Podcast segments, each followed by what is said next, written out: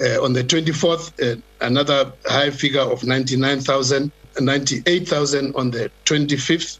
And yesterday, we were able to reach a figure of 89,000. That is only for those in the category of 18 to 34. Hy sê infeksiesyfers in die Wes en Noord-Kaap bly hoog. The average uh, positivity has been 19%. Regrettably, two provinces have still had very high positive rates, and that is the Western Cape and the Northern Cape. The Western Cape had an average of 27% positive rate uh, daily, and also as of yesterday, in the Northern Cape at 30%. Our epidemiologists often say that the Northern Cape never came out of the second wave, it came straight into the third wave.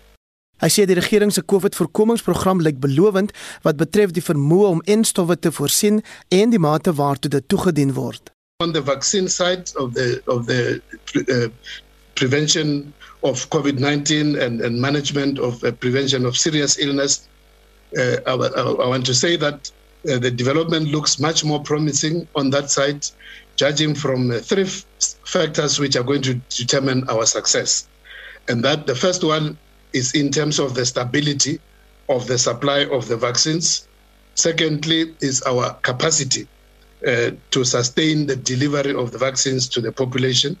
And lastly, is the uptake of these vaccines.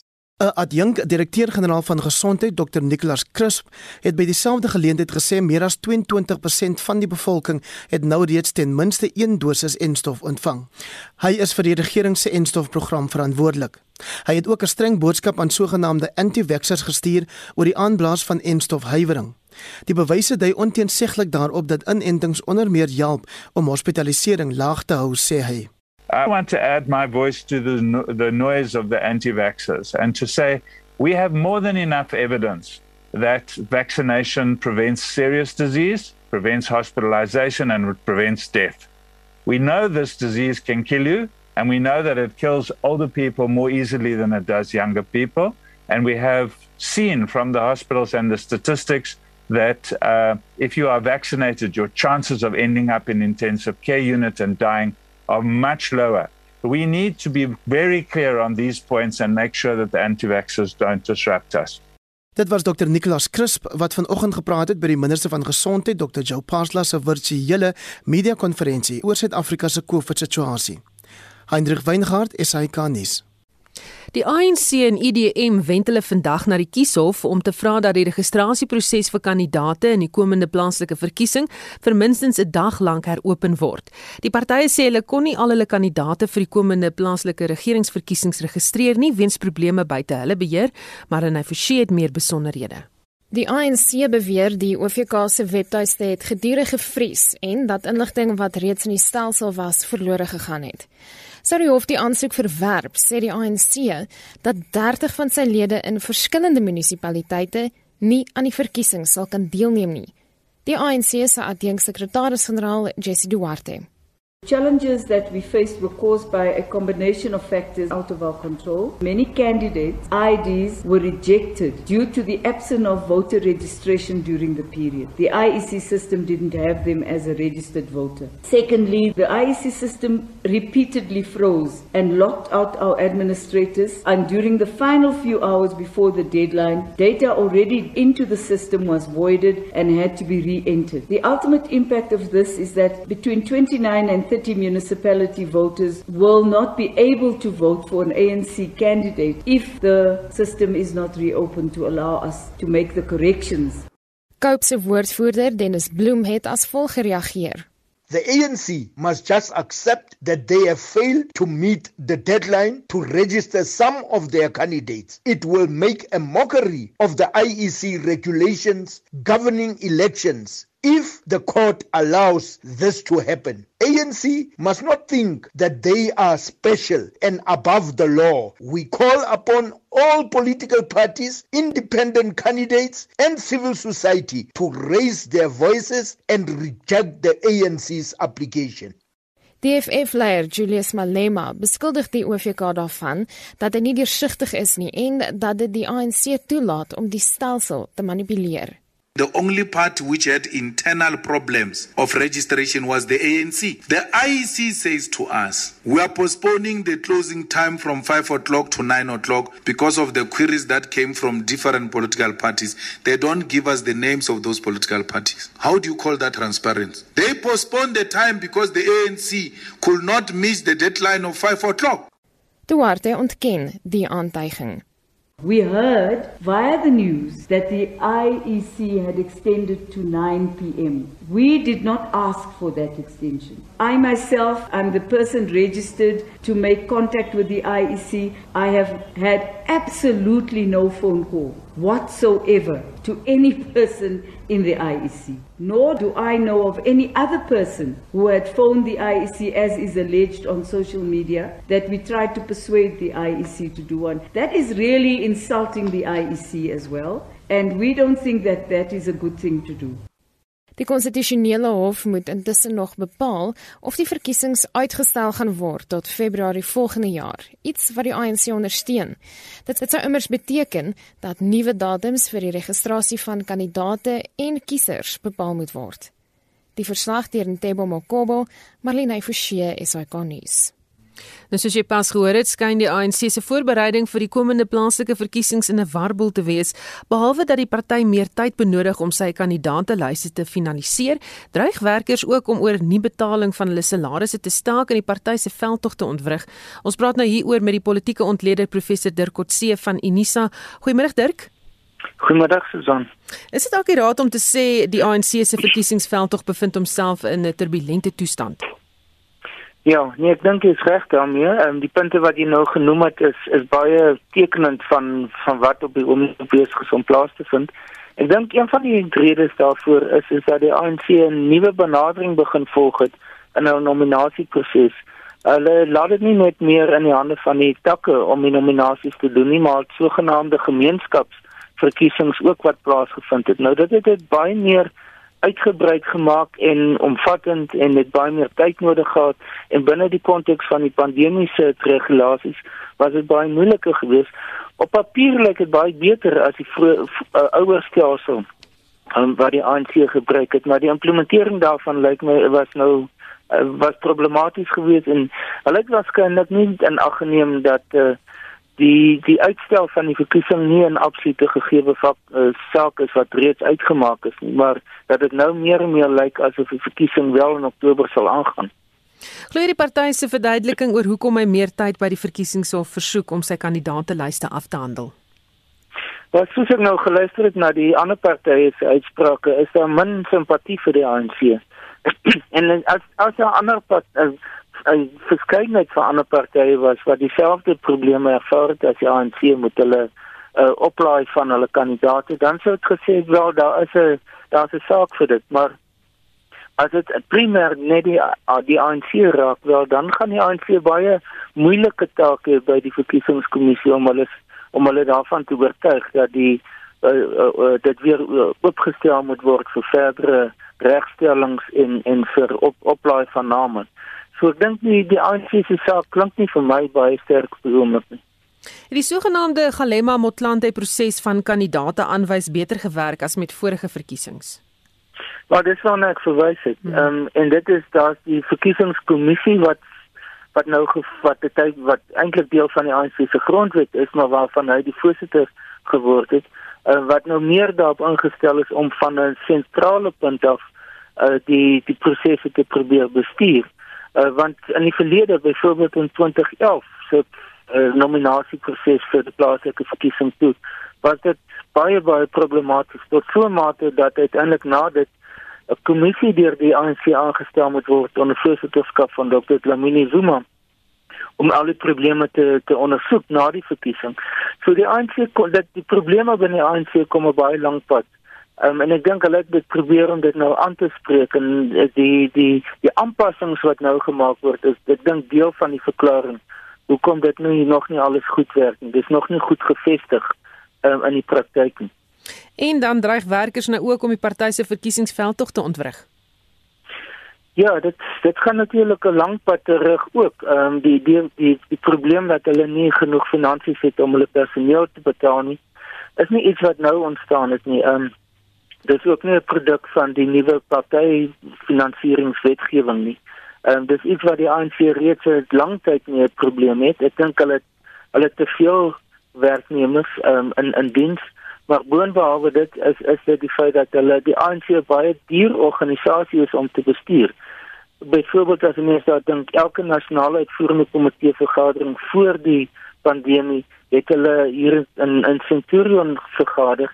Dis oor die 100 mense met vliegtuigkaartjies en hotelkamers wat eh, betaal moes word. Um, so my ANC as party te bestuur was is is 'n baie duur proses.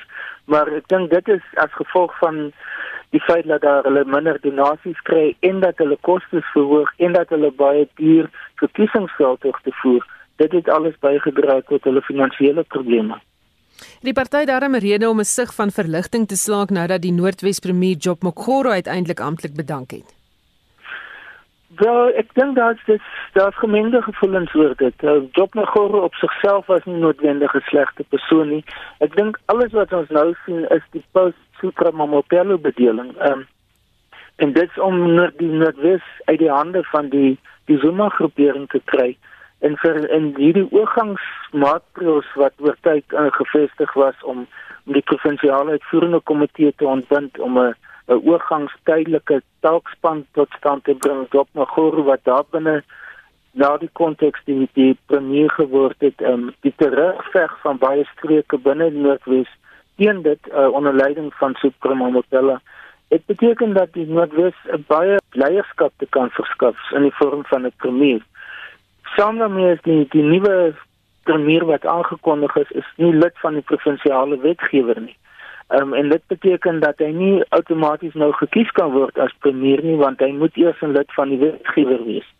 Ehm um, so dit is 'n bykomende situasie wat uh, op die oomblik groot wysheid van die lid van die leiers in die ANC verwys. Baie dankie dit was professor Dirk Coetzee politieke ontleder van Unisa. Die nasionale energiereguleerder Nersa het 'n voorstel deur die minister van Energie Gwede Mantashe oor kernkrag aanvaar. Nersa het gister die besluit geneem en sal later sy redes daarvoor bekend maak. Die voorgestelde plan behels dat 'n kernkragstasie opgerig word wat sowat 2500 megawatt krag kan opwek. En ons praat nou met Corneel Skabord van die Noordwes Universiteit se skool vir chemiese en mineraal ingenieurswese. Goeiemôre Corneels. Goeiemôre Susan. Jou reaksie op die besluit deur Nersa om wel die voorstel goed te keur? Um, ek dink ons moet begin deur net bepaal wat het Nes gesê. Hierdie is nie die lisensiering van addisionele kernkrag hierdie moet toestem wat gegee word so die minister voortgaan en studies doen en bepaal wat gebeur. So Portman teen die 9.500 addisionele megawatt tot die netwerk nie, maar dit stap 'n teks Corneels, ek gaan vir jou in die rede val daardie lyn wil ja. wil weggaan so ons verloor sulke woordjies hier en daar. Ehm um, so as jy dalk kan draai links regs dat ons net kan hoor of hy bietjie sterker raak daai sein. Uh, dan kan ons net voortgaan met Dan hoor jy van my. Daar hoor ek vir jou. Goed, jy kan voortgaan. Dis die wind hier in Potchefstroom wat so sterk was. nee, wat ek wil sê is is dat die die 2.5 gigawatt wat kom. Dit is nie noodwendig gaan sien aan 'n krag. Dit is nog 'n lang proses dan nog die initiële toestemming gegee word vir lisensie maar nou kan dit daar is 'n groen gegee Goed, nee, Corneels, daardie lyn wil wil nie lekker saamwerk nie. Ons gaan eers aanbeweeg na 'n ander storie toe en dan gaan ons weer terugbel en dan gaan ons hierdie gesprek verder voer oor hierdie kernkragstasie. Die minister van vervoer Fikile Mbalula het aangekondig dat mense wat hulle bestuurderslisensies moet hernie, kans sal hê tot die 31ste Maart 2022. Verskeie organisasies het vroeër gevra vir 'n verdere uitstapperiode vir mense om hulle bestuurderslisensies te kan hernie. Weens die pandemie werk die stelsel nie behoorlik nie en vergroot dit die probleme wat voor die pandemie met die Inatus program ervaar is.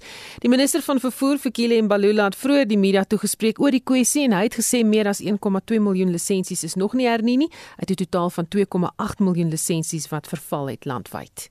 The onset of the COVID-19 pandemic resulted in restrictions that led to the closure of driving license testing centers, resulting in backlogs. The previous extensions of the validity period were meant to enable an orderly clearing of the backlog. We have uh, conducted an assessment of the quantum of the backlog and uh, evaluated uh, the challenges motorists are experiencing in the process to renew their licenses. We have also considered other factors, such as the impact of a further extension as well as law enforcement capacity to ensure the rule of law prevails at all times. Mbalula sê die meeste van die lisensies wat verval het is in Gauteng. Nationally, 1.2 million licenses are not yet renewed out of a total of 2.8 million uh, expired uh, licenses. This represents 42.4% non-renewal. Mbalula sê die kwessie plaas druk op owerhede om behoorlik wet en orde op die paaie te handhaaf. All learners licenses, driving license cards, temporary driving licenses and professional driving permits that expire during the period that commence from the 26 March 2020 up to and including 31st August 2021 are deemed to be valid and their validity periods are extended for a further grace period ending on 31st March 2022. This extension comes into effect from the date of publication of the directions in the government uh, gazette. Mbalula sê die volgende stappe is geïmplementeer om te verseker dat die druk op die stelsel verlig word. Considering that Gauteng poses the biggest challenge due to the challenge population of motorists and the fact that it remains the only province that has extensively deployed the online booking system, specific actions have been identified to tackle challenges specific to the province. Gauteng has experienced serious capacity challenges, which result, among others, in non availability of slots to those who intend to renew their licenses. In addition to the intervention, the province and the RTMC are making in arresting the corruption that has bedeviled the system. Additional capacity will be added through the opening of two driving license testing center operated by the RTMC at the Waterfall Park in Midrand and the Eco Park in Centurion. Dit was die minister van vervoer, Fikile Mbalula. Die Automobielassosiasie hou die kwessie met 'n valkoog dop en ons praat nou met die woordvoerder van die AA, Luiten Beerd. Goeiemôre Luiten. Ja, goed om hier te wees. Goed, dankie. Sê vir my jou reaksie op die aankondiging van die minister. Ja, ek dink uh, ons verwelkom dit natuurlik. Ehm um, ek dink uh, die feit dat hy uh, aangedui dat die probleem is met die stelsel en nie met motoriste is is baie insiggewend. Ehm um, ons sal natuurlik moet sien hoe hierdie hele proses gaan ontvou oor die oor die volgende paar maande. Ons bekommernis is dat daar baie mense is wat nie ehm um, binne daai tydraam hulle dokumente gaan kan hernie nie. So dit hang natuurlik af uh, van alles wat wat hy vandag aangekondig het. Ehm um, ek dink ons gaan weer in 'n situasie situasie ongelukkig beland waar in Maart volgende jaar ehm um, nog nog 'n uh, uh, uh, verlenging gaan gaan moet gebeur. Ehm um, hierdie stappe wat hy vandag aangekondig het is goed wat die AA al vir geruime tyd sê. Ehm um, ek dink die die enigste bekommernis wat ons het is hoekom word dit aangekondig op nommer 99? Ons weet al vir baie lank dit is die probleem. Dit moes al baie lank terug gebeur het.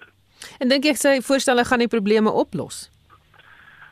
Ja, ek kan nie sinies daaroor wees nie. Ek dink grootendeels ehm um, as van die dinge wat hy aangekondig het wel ehm um, geïmplementeer is, ehm um, gaan dit 'n groot impak hê. Ek dink die groot uh, ding vir ons is hoe lyk die digitale ehm um, uh, uh, maatreëls wat hy in wat, wat hy aangekondig het. Gaan mense kan betaal aanlyn? Is daai stelsel in plek en hoe hoe vinnig gaan dit in plek wees? Want dit is baie belangrik. Gaan korrupsie uh, die hokslag kry en en gaan die RTMC vinnig werk om soveel mense wat korrup is binne die uh, binne hierdie sentrums gaan gaan hulle um, uh, intensief werk om hierdie mense uit te werk. Gaan die masjinerie wat nodig is um, in werking gestel word en gaan dit vinnig geïmplementeer word. Dit is die dinge waarna ons moet kyk. En ons sal natuurlik soos jy gesê het, ons sal baie nou daarna kyk. Maar um, wat hy gesê het is nie sleg nie. Wat jy graag sou wou gehoor het wat jy nie gehoor het nie.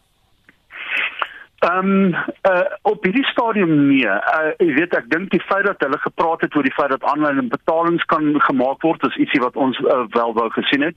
Ehm um, die enigste ding wat ek dink nog nodig is is dat die privaat sektor nog betrokke moet wees in hierdie proses. Ehm um, kan mense hulle kaarte optel by by plekke soos die AA of by banke of by ander instansies gaan dit die proses vergemaklik. Ek dink dit is die volgende stap waarna ons moet kyk. En ek dink die minister um, moet ook daarna kyk as 'n oplossing om hierdie probleme op te los. So die die maatreëls wat hy vandag aangekondig het is natuurlik verwelkom. Um, ek dink die private sektor moet 'n groter uh, rol speel in terme van hoe ons hierdie dokumente by die mense uitkry. Baie dankie, dit was die woordvoerder van die AA, Luitenant Beerd. Ons bly by die storie. Die Suid-Afrikaanse Versekeringsvereniging sê intussen dat hy baie navraag kry van mense wie se bestuurderslisensies verval het en wat bekommerd is oor die impak daarvan op hulle versekerings. Die bestuurshoof van die vereniging, Vivian Pearson, sê mense hoef egter nie te bekommer nie. Van 'n versekerings uh, oogpunt Hoort polishouers oor die algemeen gemoedsrus hê dat 'n versekering uh, versekeraar nie outomatiese eis sal afwys omdat 'n rydebewys nie hernie is nie veral in die lig van die probleme wat die afgelope tyd ervaar is in hierdie verband. So, ehm um, ek dink eh, daar is 'n mate van gemoedsrus wat ons daar kan gee. Dit sê nou nie mense kan nou as sonder lisensies ry nie en nie moet probeer om lisensies te kry nie, maar hierdie gaan saak vir saak hanteer word. Elke eis word op eie meriete oorweeg en indien die uh, neernuwing van die lisensies nie materieel bygedra het tot die verlies nie, behoort dit nie 'n probleem te wees nie. Maar soos jy wel self genoem het, Ehm um, 'n mens moet daarom ook nie moedswillig wees nie en um, daar mag miskien sekere gevalle wees waar dit wel materieel vir die verlies bygedra het. En in daardie gevalle behoort uh jy, jy weet sal sal die proses gevolg word om dit dan nou te bewys. Maar oor die algemeen dink ek nie dit is 'n probleem nie soos soos ons almal weet uh, ons is almal bewus van die probleme wat tans um, in hierdie situasie uh, van toepassing is. Miskien raad aan luisteraars oor hoe om so 'n situasie te hanteer sou daar nou iets gebeur en jou lisensie het verval en jy kon hom nog nie hernie nie. Ja, ek dink die beste raad is dat polishouders maar met hulle versekeraar of makelaar praat soos wat ons altyd aanbeveel.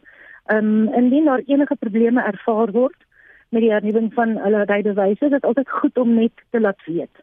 Aan die ander kant beveel ek wel baie sterk aan dat polishouders uh, alles in hulle vermoë doen om um, wel hulle rybewyse te hernie.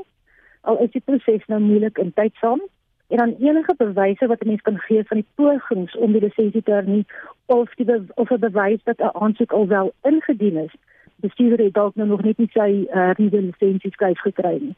Um, is altyd aanbevelbaar. En dit was die bestuurshoof van die Suid-Afrikaanse Versekeringsvereniging, Vivian Pearson. Spectrum, jou middagnuusprogram op RSG.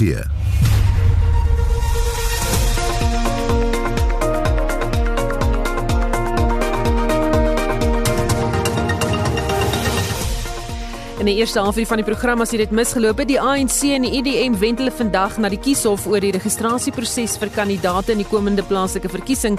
Professor Dirkut sê het sy mening hieroor met ons gedeel. As dit primêr net die ANC raak, wel, dan gaan die ANC baie moeilike take by die verkiesingskommissie om hulle daarvan te oortuig dat dit weer oopgestel moet word vir verdere regstellings. Ontruimingspogings in Afghanistan duur voort na gisteraand se bomaanvalle. We are now processing approximately the last 1,000 people on the inside of the airfield and we will fly them out today. Ons kry ook 'n ontleding van die gebeure en die Bokke het gister na Australië vertrek vir vier kragmetings in vanjaar se rugby kampioenskappe. Die rugby kampioenskap gaan vir die Bokke uitdagend wees uit verskeie oogpunte uit. Ek dink die grootste uitdaging gaan wees eerste die 14 dae van kwarantyne. Bly ingeskakel vir die en ander nuus. Daar is geen verkeer. Hier in Gauteng was daar 'n botsing op die N3 Noord in die regterbaan. Dit is nou net na van Burenweg. Daar staan 'n voertuig op die N1 Suid by Garsfonteinweg in die linkerbaan en dit is jou verkeersnuus. 1233 jy luister na Spectrum en soos ons vroeër berigte die nasionale energiereguleerder Nersa het 'n voorstel deur die minister van energie Gwedi Mantashe oor kernkrag aanvaar en ons praat met Corneel Skambort van Noordwes Universiteit se skool vir chemiese en mineraal ingenieurswese Corneel se die wind gaan lê Ek hoop dit gaan lê Susan en ek hoop julle kan my hoor. Ah, dit klink baie beter. Goed, ons het was besig om te praat oor jou reaksie op die besluit deur Nersa om wel die voorstel goed te keer. As ons kyk na Nersa, moet ons net besef dat die reguleerder en die is nie die goedkeuring van 'n lisensie nie. Met ander woorde, dit beteken nie ons gaan in die afsienbare tyd noodwendig 'n kernkragaanleg sien wat gebou word nie. Maar dit gee die minister toestemming om dan uit te gaan en te kyk na watter moontlikhede bestaan daar in die veld van kernkrag. So dit beteken 2.5 gigawatt boonbehalwe die 2 gigawatt wat Kuiberg reeds vir ons lewer as kernkrag tot die stelsel. Dan 'n kwessie van die hele tuispunt kerninstallasie lisensie aansoek wat Eskom eh, die week of van Eskom wat aangehoor is die week. Wat het daar gebeur? Nou, hier is die interessante ding want Eskom het aansoek gedoen vir daardie lisensie, maar Andre de Ruyter, die hoofuitvoerende beampte van Eskom, is op rekord dat hy gesê het kernkrag is nie die toekoms nie. So dis 'n bietjie interessant dat binne Eskom is daar aansoek gedoen gewees en die idee is dan nou om daai area by Tuispunt en dis naby Oesterbaai, St Francis Baai en uh, Humansdorp is daar in die Ooskaap om dan nou 'n stuk land op sy te sit wat dan potensieel in die toekoms gebruik kan word vir 'n kernkragaanleg. So die tekens wat ons sien, die die Nersa groenlig hierdie aansoek vir 'n lisensie, dit alles begin in plek kom wat dan dui op 'n toekomstige pad wat gaan na kernkrag toe moontlik. Nou daar's 'n groot debat aan die gang oor kernkrag teenoor hernubare energie. Wat is dan nou reg? Wel, uh, as ek na die debat kyk en is 'n lewendige debat, terwyl van hierdie debat kom ons aanvaar net vir 'n oomblik dat beide hernubare energie en kernkrag is omgewingsvriendelik. So ek gaan nie nou die breëde debatteerder wees en sê dat jy vyf arms gaan groei as gevolg van 'n kernaanleg nie. Ek glo oor tyd het ons redelik veiligheid daarso bereik. Op die einde van die dag kom dit neer op rand en sent. En die realiteit is kernkragaanlegte jaar na jaar na jaar styg in koste. Dis die eerste probleem wat ons mee sit. Dit word duurder. Hernubare krag is goedkoper. Nou weet ek die opponente van hernubare krag steek hulle hande op en sê ons het 'n basislading nodig. Nou dit is 100% korrek. Maar 'n 2020 studie het gewys dat op hierdie stadium van die geveg is iets so sonkrag plus batterye, want jy batterye nodig as die son nie skyn nie, dat dit goedkoper is as kernkrag. So die feit van die saak is, die debat dat kernkrag goedkoper is, is lankal van die tafel af. En as mens so kyk na die tendense oor tyd en dit is 'n wêreldwye fenomeen, neem die koste van kernkrag jaar na jaar toe, waar die krag van wind of die koste van wind en en sonkrag saam met batterye is aan die afneem. Met ander woorde, as ons die som moet maak, dan beteken dit dit gaan goedkoper vir ons wees. 'n Tweede ding wat ons in ag moet neem, as ons kernkragaanlegte gaan bou, gaan 80 na 90% van die kapitaaluitgawe buiteland toe gaan. Ons sit nie met die kundigheid in Suid-Afrika om dit self te kan bou nie. Dit moet van die buiteland af ingebring word. Terwyl as ons kyk na wind en sonkrag, kan 'n plaaslike werk skep. Ons kan ons eie fabrieke opsit om van hierdie toerusting daarso te stel. So die feit van die saak is ons sit met daai twee faktore en dan is daar 'n derde baie belangrike ding.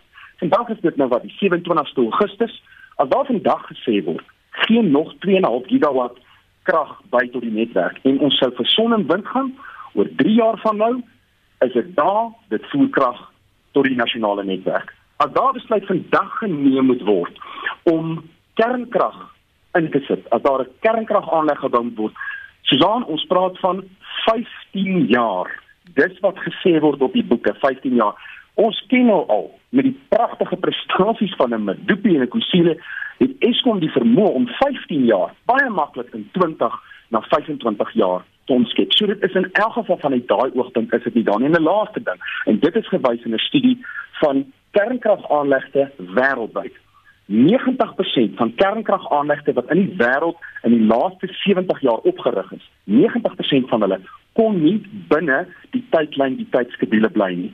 En die gemiddelde koste eskalasie van kernkragaanlegte 120%. Met ander woorde, hulle gaan vir jou sê dit gaan jou miljard rand kos, jy gaan 2 miljard miljard daarvoor betaal. Op die einde van die dag 'n verdubbeling in koste. Waar son en wind het dalk 'n 10 na 20% um oor oor koste wat wat daarso is. So vanuit daai oogpunt, kom ons kyk net na rand en sent nie na omgewing nie. Ek dink net kernkrag is nie 'n goeie idee nie. Dis nie wat Suid-Afrika kan bekostig nie. Ons moet gaan vir son en wind met batterye en dan gebruik ons uh, gasturbines vir piek gebruik wat nodig is van tyd tot tyd. Daar is die oplossing. Baie dankie. Dit was Corneel Skabord van Noordwes Universiteit se skool vir chemiese en mineraal ingenieurswese.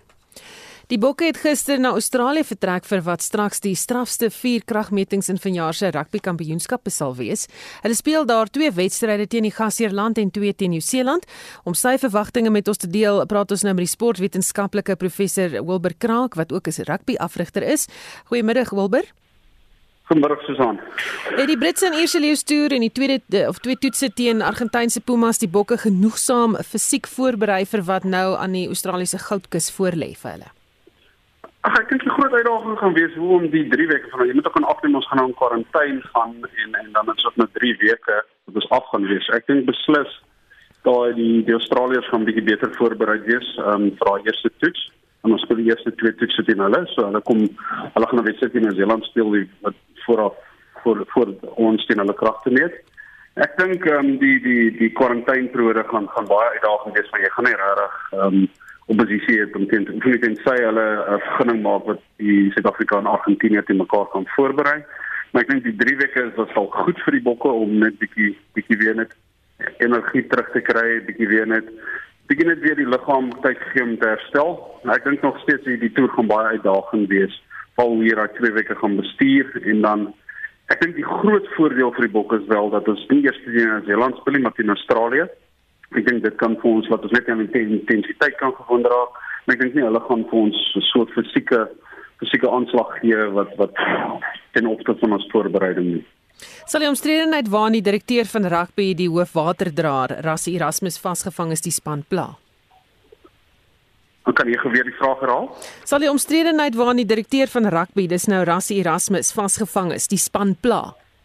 Nee, ek dink nie so nie. Ek dink hier was 'n klomp ehm um, veranderlikes wat 'n rol speel. Ek dink die die onsekerheid van van die COVID periode met die met die voorbereiding van die leeu's. Ek dink die spanne, die manne, hulle is professionele atlete. Hulle kan eksterne faktore gaan nie hulle beïnvloed om om op die dag te te presteer nie. So ek ek dink dit is in die agterkoppe, maar ek dink nie dit gaan hulle gaan hulle beïnvloed oor hoe hulle die dag gaan gaan aan presteer nie. En ek dink basiese rol binne in die span gaan dalk gemis word met hom wat nie daar is nie. Want ek dink baie baie ouens is gewoond aan sisteme in die kring. Dit kan dalk 'n rol speel, maar ek ek persoonlik dink nie dit gaan 'n groot rol impak hê op hoe hulle gaan presteer op die toer. Baie dankie. Dit was professor Wilber Kraak, hy's 'n sportwetenskaplike en rugbyafrigter van Universiteit Stellenbosch. Ontruimingspogings in Afghanistan duur voort vanaf die Kabul lughawe na gisteraand se bomaanvalle. Die aanvalle deur die groep bekend as ISIS-K is gerig op mense wat die land probeer verlaat. Minstens 90 mense, insluitende vroue, kinders en 13 lede van die Amerikaanse weermag is dood, Marlene Forshio die gebeure dop. Die Amerikaanse president Joe Biden het nie doekies omgedraai in sy reaksie hierop nie. We will not forgive. We will not forget. We will hunt you down and make you pay. America will not be intimidated. And I have the utmost confidence in our brave service members who continue to execute this mission with courage and honor to save lives and get Americans, our partners, our Afghan allies out of Afghanistan. Brittanje se minister van verdediging, Ben Wallace, sê intussen hulle volledige onttrekking behoort voor Amerika plaas te vind. We are now processing approximately the last 1000 people on the inside of the airfield and we will fly them out today. That's effectively where we start to move to the next stage, which is the evacuation of our 1000 troops.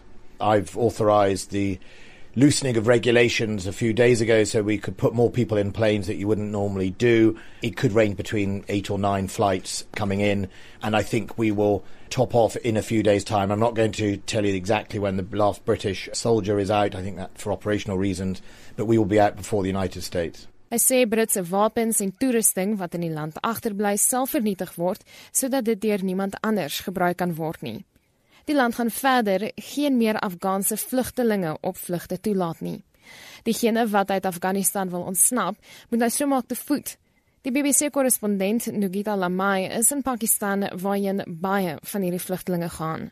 We've heard Canada, Germany, uh, Australia saying that they have finished their evacuation operations, the UK saying it's in their final stages. There are lots of people still in Afghanistan, people I've been speaking to over the past couple of weeks who fear for their lives under Taliban rule, who have the required permits to go to other countries, but feel completely stuck now. They feel that the window for them to get out is closing, and so they're looking at other opportunities, other ways perhaps of trying to leave the country. Aktivis vir vroue en kinderregte, Pashtana Durrani, is na 'n plek van veiligheid geneem, van waar sy sê die wêreld moet dit nie uit die oog verloor dat die Taliban die wortel van alle kwaad is nie. everybody is trying to find a new enemy but uh, majority of the times the taliban have claimed that all the insecurities because of them and uh, it will be over once the foreigners leave and the foreigners have left so how come they are still not able to secure the afghan civilians they have to do good on whatever the promises they have made right now because there is no alternative to that. Either people will start fleeing until there is no one in the country to rule, or they have to accept that this is how countries work and they have to accept the workforce, uh, women, girls' education, girls' schools, and that's the way forward.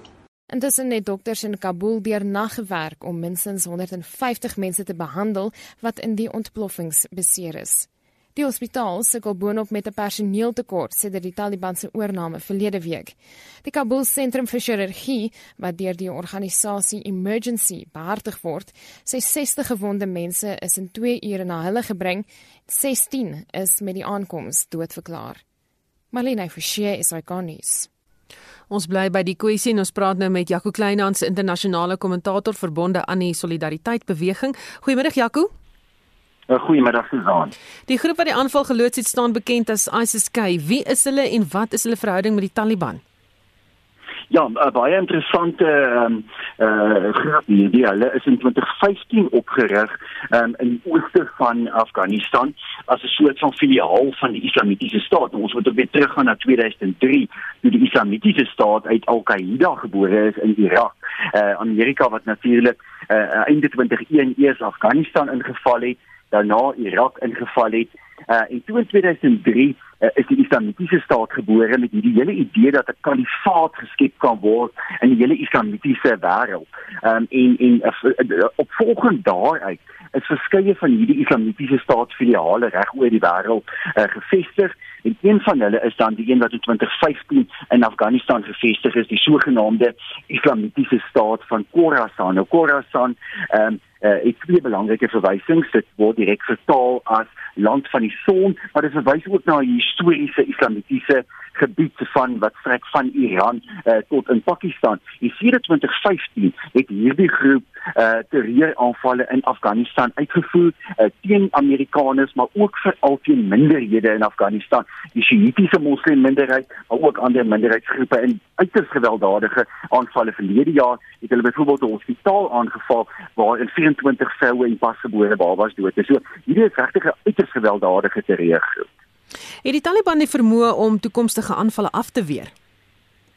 Dit is 'n groot vraag en en en Susan, weet jy, ek dink die probleem op die oomblik bietjie is dat die, die Amerikaners en die westerse lande in groot mate hulle hoop nou daarop plaas. Uh, hulle doen dit natuurlik vir twee redes. Die een rede uh, is dat die Taliban die afgelope 2 weke homself as meer gematig probeer aanbied. Die Taliban probeer homself voorhou as iets anders as wat hy tot onlangs was. Hy probeer uh, duidelik sê dat hy graag uh, Afghanistan verantwoordelik wil, wil regeer vir oggend en 'n paar uur gelede het die Taliban gesê dat hulle 'n inklusiewe regering wil saamstel, dat hulle alle etnisiteite in Afghanistan in die regering wil insluit en dat hulle ook die regte van verskillende stamme wil erken. Nou, dit dit is natuurlik 'n verwysing na die uiters komplekse demografie uh, van Afghanistan wat bestaan uit al hierdie uh, etniese groepe wat dan weer onderverdeel word in verskillende stamverbande. Nou die Taliban se woorde sal eers as dade bewys moet word. Hulle beweer dat hulle vroueregte gaan erken, dat hulle minderheidsregte sal erken en dat hulle meer inklusief uh, wil wees. Die ander uh, kwessie natuurlik hier ter sprake wat baie belangrik is, is dat die Taliban um, 'n uh, groep is hoewel mense hom seker kan verwys as 'n terreurgroep, wel 'n groep is wat hoofsaaklik uh, en eintlik eksklusief uh, op Afghanistan en tot 'n mate die weste van Pakistan gefokus het. Die Taliban is nie 'n groep wat probeer het oor die afgelope 10 of 20 jaar om aanvalle op westerlinge uh, in uit die VS of in Europa te loods nie. Hulle groot doelwit was om westerse magte uit Afghanistan te kry en beheer oor Afghanistan te verkry. So in daardie opsig sien hulle ook die Islamitiese staat en Al-Qaeda as opponente. En ons het die afgelope 2-3 jaar gereeld gevegte gesien tussen die Taliban uh, en die Islamitiese staat van Khorasan, uh, die Taliban wat ook uh, vroeër vir jaar een van die leiers van die groep uh, doodgemaak het. Nou, die Taliban beskik tans oor enorme hoeveelheid wapens. Nou, hulle beskik oor groot hoeveelheid Amerikaanse helikopters, vliegtye, um, ander weermagvoertuie wapens, ammunisie en dit alles wat hulle natuurlik onlangs afgeneem het by die Afghaanse weermag.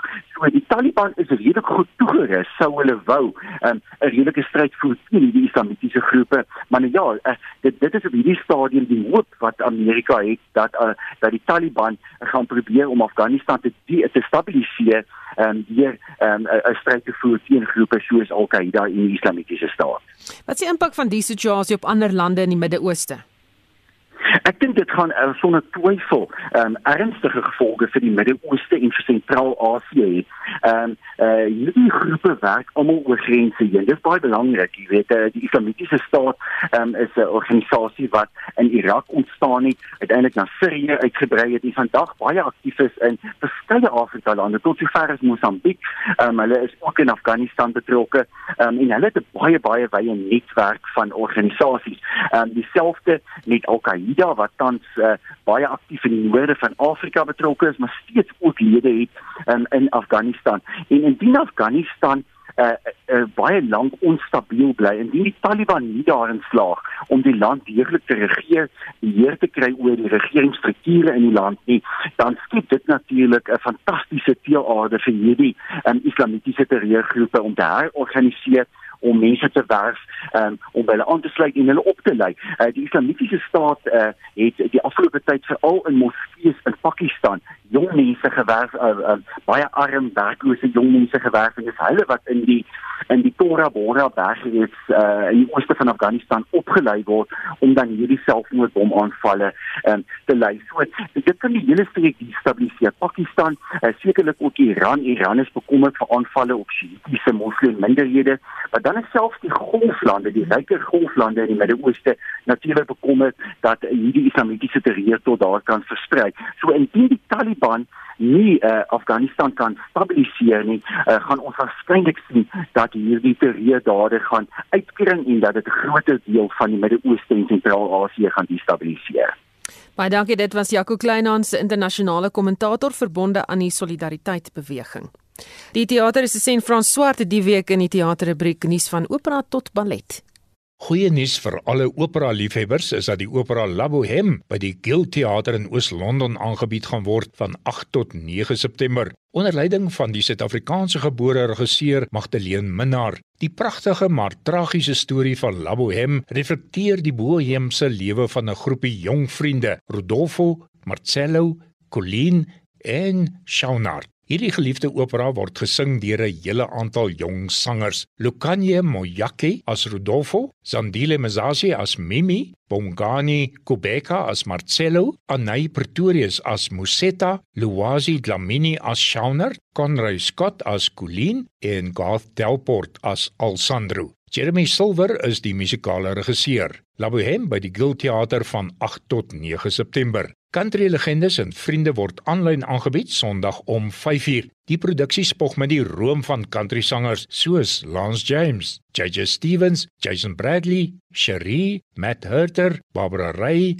Ellen Ladd, Bobby Angel, Tommy Dell en die Rodeo Girls. Die Joburg Ballet hou audisies vir dansers en kinders op 4 September om deel te neem aan The Nutcracker wat in Desember opgevoer gaan word. Die balletgeselskap is ook op soek na professionele balletdansers vir 2022 om vakante poste in die geselskap te vul. Dansskole word veral versoek om ook van hulle talentvolle dansers vir die audisies te stuur. Vir meer inligting, kontak Chase by chase@joburgballet.com. Die terugkeer van die skole kunstefees is deel van Kunste Kaap se vieringe vir hulle 50ste verjaardag vieringe. Die kunstefees het as gevolg van COVID so bietjie verander vanaf drama, musiek en dans na uitstalling van kuns, mode en haarkappery. Meer as 20 skole stal tans hulle kuns, hulle ontwerpe in mode en hare uit en die uitstalling kan besigtig word tot 28 Augustus. Die toweragtige fabelagtige verhaal Ek wens ek wens deur Zirk van der Berg gaan ook verhoog toe en speel by die Atterbury Theater op 30 September. Die vervaardiger Alexa Straggen sê dat toe sy die boek gelees het, het sy dadelik besluit dat die storie verhoog toe moet gaan. Meer inligting oor al die teaterproduksies is beskikbaar op die Facebookblad by Teaternuus en ook by www.teaternuus.co.za. Stuur ook gerus julle teaternuus aan frans@lefra.com. sien julle almal in die teater. En dit was die teaterresensent Frans Swart.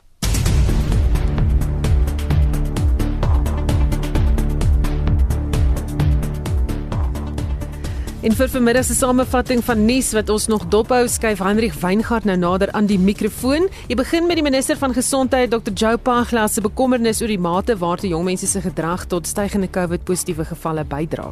Dit is reg Susan, goeiemiddag. Die minister het ook vanoggend bekend gemaak dat jong mense tussen 18 en 34 wel vir inentings registreer sedert hulle 'n week gelede daarvoor begin kwalifiseer het. The response of our young people has been quite overwhelming. For the 18 to 34 nations. We reached uh, 81,000 on, on Friday the 20th. On the Monday, we're able to reach 93,000. Uh, on the 24th, uh, another high figure of 99,000, 98,000 on the 25th. And yesterday, we were able to reach a figure of 89,000. That is only for those in the category of 18 to 34. Ons hou ook verwikkelinge dop met betrekking tot die komende plaaslike regeringsverkiesing nadat die ANC vir uitstel gevra het om sy kandidaatelyste te finaliseer. En ons het die politieke ontleder professor Dirk Kotse van Indisa gevra oor die skynbare deurmekaarspel of warboel is die woord wat jy vroeër gebruik het uh, Susan in die ANC se voorbereiding. Hulle het waarskynlik nie in ag geneem dat die uitstel van die verkiesing nie 'n absolute gegeewe saak is wat reeds uitgemaak is nie, maar dat dit nou meer en meer lyk asof die verkiesing wel in Oktober sal aangaan. En dan sportnuus om hier af te sluit. Eers die sportwetenskaplike Dr. Wilbe Kraak van die Universiteit Stellenbosch wat sy indrukke gegee het oor die Bokke se kansse vir die komende rugby kampioenskap wedstryde deur onder in Australië. Ek dink die grootste uitdaging gaan wees eers die 14 dae van kwarantyne sodra hulle in Australië aankom. Ek dink daar sekerre voorwaardes dat hulle net in sekere tye mag oefen wat dalk vir die bestuurspan uitdaging kan wees van 'n kan nie vrylik oefening beplan nie, maar dan ook een groot uitdaging met die toernooi is omdat jy vier toetse in 'n ry speel as jy die risiko van beserings en iemand kan terugkom in, in die groep. Ons Paralimpiese span is natuurlik steeds in aksie by die Tokio spele en die 28-jarige Androney Weyers is een van ons atlete wat vandag in aksie is. Sy neem deel aan die 400 meter in die T47 klas en sal ook haar sterkte in die 100 meter en 200 meter naloop bewys. Nou Weyers se linkerhand was by geboorte onderontwikkel en is later geamputeer en as dit nie vir haar COVID-inenting was nie voor die spele nie sê sy sou sy dit dalk nie tot in Tokio gemaak gemaak het nie. En uh, so het die sportskrywer van Media 24, Marazan Kok berig. En dit was Hendrik Weingart met 'n samevatting van ontwikkelende nuus.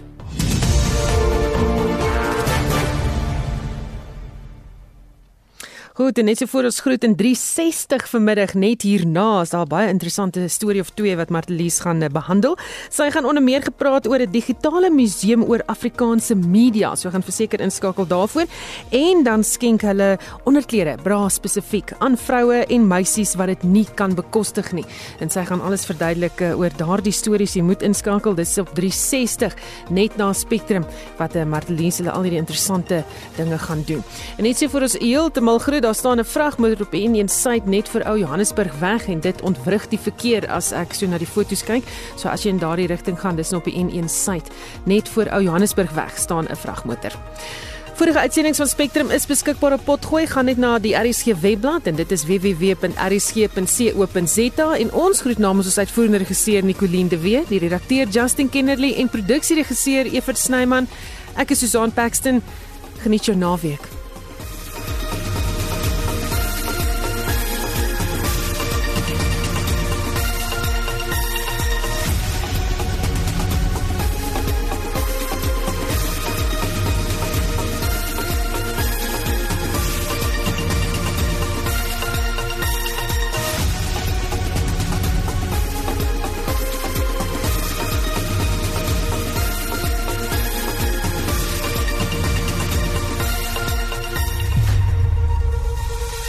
SAK nuus. Onafhanklik, onpartydig.